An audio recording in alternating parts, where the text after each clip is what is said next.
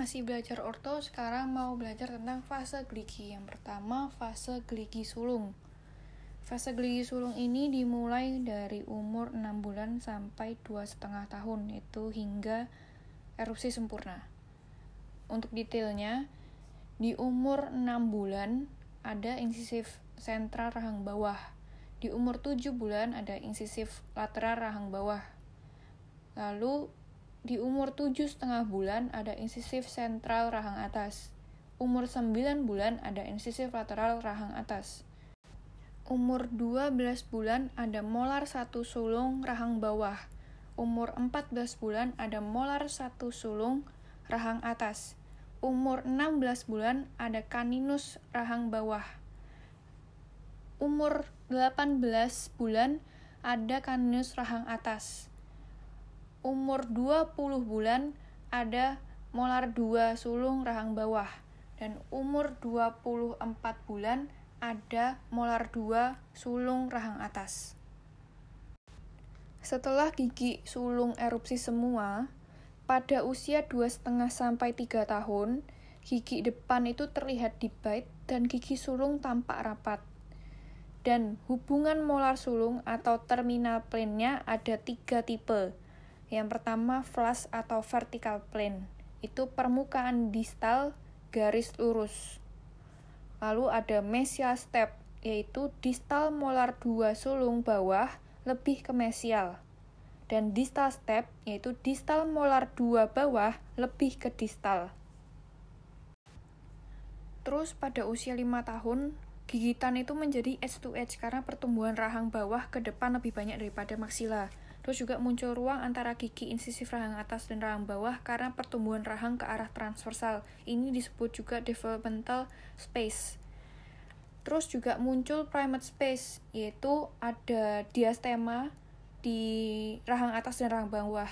Kalau di rahang atas itu di antara distal insisif lateral dan mesial caninus rahang atas. Kalau di rahang bawah itu ada space di antara distal caninus rahang bawah dan mesial molar satu sulung rahang bawah.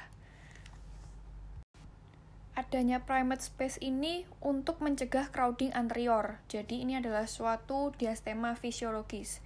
Tapi adanya diastema fisiologis ini tidak menjamin bahwa nantinya gigi permanen tidak akan berdesakan.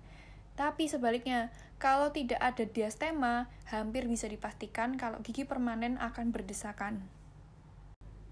Lanjut masuk ke fase gligi pergantian atau transisional atau campuran atau mixed dentition.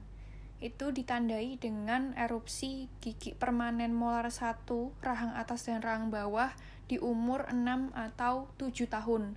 Terus diikuti juga erupsi insisif sentral di rahang bawah lalu rahang atas di umur 6 sampai 8 tahun. Nah, saat insisif sentral ini erupsi, permanen erupsi, ruang antar gigi sulung ini digunakan. Dan pada rahang bawah, kedua insisif uh, sentral ini akan kontak proksimal. Tapi pada rahang atas, kedua insisif sentral permanen ini masih memiliki diastema yang dapat tertutup saat erupsi insisif 2 permanen nantinya.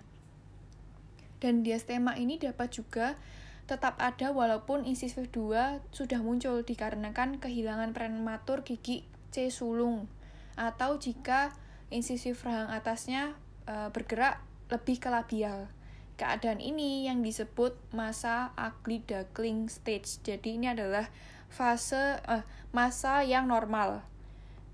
Diastema ini akan tertutup saat gigi C permanen erupsi tapi kalau diastema di insisif satu rahang atas ini lebih dari 2 mili, maka lebih kecil kemungkinannya untuk menutup dengan sendirinya.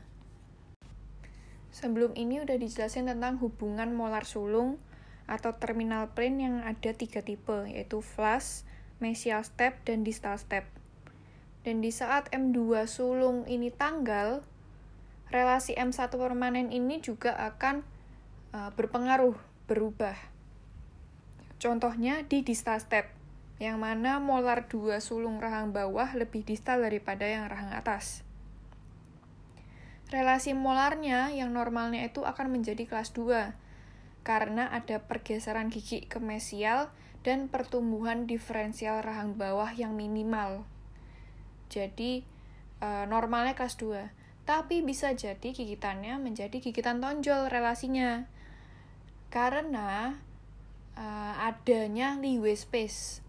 Leeway space ini adalah perbedaan jumlah lebar C M1, M2 sulung dengan C permanen dan P1, P2. Karena uh, gigi sulung ini lebih besar daripada uh, gigi permanen, makanya muncul space-nya ini disebut leeway space. Rahang atas itu ada 0,9 sampai 1,5 mili. Dan rahang bawah itu ada 1,8 sampai 2,5 mili.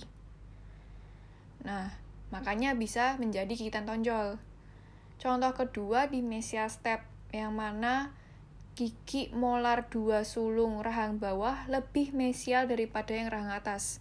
Relasi yang normal terjadi di molar satu permanen yaitu terjadi kelas 1 adanya karena adanya pergeseran gigi kemesial tadi dan pertumbuhan diferensial rahang bawah yang minimal. Tapi bisa jadi relasinya berubah menjadi kelas 3 karena terjadi pertumbuhan rahang bawah ke depan yang uh, berlebih. Karena adanya leeway space juga, jadi bisa jadi kelas 3. Terus yang terakhir contohnya yaitu di flush atau vertical plane atau straight terminal plane. Itu kan Eh, permukaan distal molar dua sulungnya membentuk garis lurus sama yang rahang atas. Gigitan normalnya menjadi gigitan tonjol karena adanya pergeseran gigi mesial dan pertumbuhan diferensial rahang bawah yang minimal. Tapi bisa jadi relasi molar satu permanen ini menjadi kelas 1 karena adanya leeway space tadi. Tapi hubungan molar yang straight atau flush atau vertikal tadi itu kan bisa menjadi kelas 1, tapi harus melewati dua pilihan kondisi. Yang pertama early mesial shift sama late mesial shift. Jadi kalau early itu terjadi kalau fase gligi sulungnya ada diastema. Maka saat M1 permanen erupsi, M sulung ini akan mendorong ke mesial sehingga space tadi primate space itu tuh akan tertutup dan relasi molar satu permanen bisa menjadi kelas 1. Jadi lebih cepat early karena adanya uh, diastema atau primate space. Tapi kalau kondisi kedua late mesial shift itu di fase gligi sulung yang tidak berdiastema dan saat M1 permanen erupsi, terjadi gigitan tonjol karena tadi tidak ada diastema. Dan nantinya M1 permanen ini bakal tetap menjadi kelas 1 dengan menggunakan space dari leeway space. Jadi keduanya kondisi ini akan menjadikan kelas 1 tapi dibedakan dengan waktunya early dan late ini.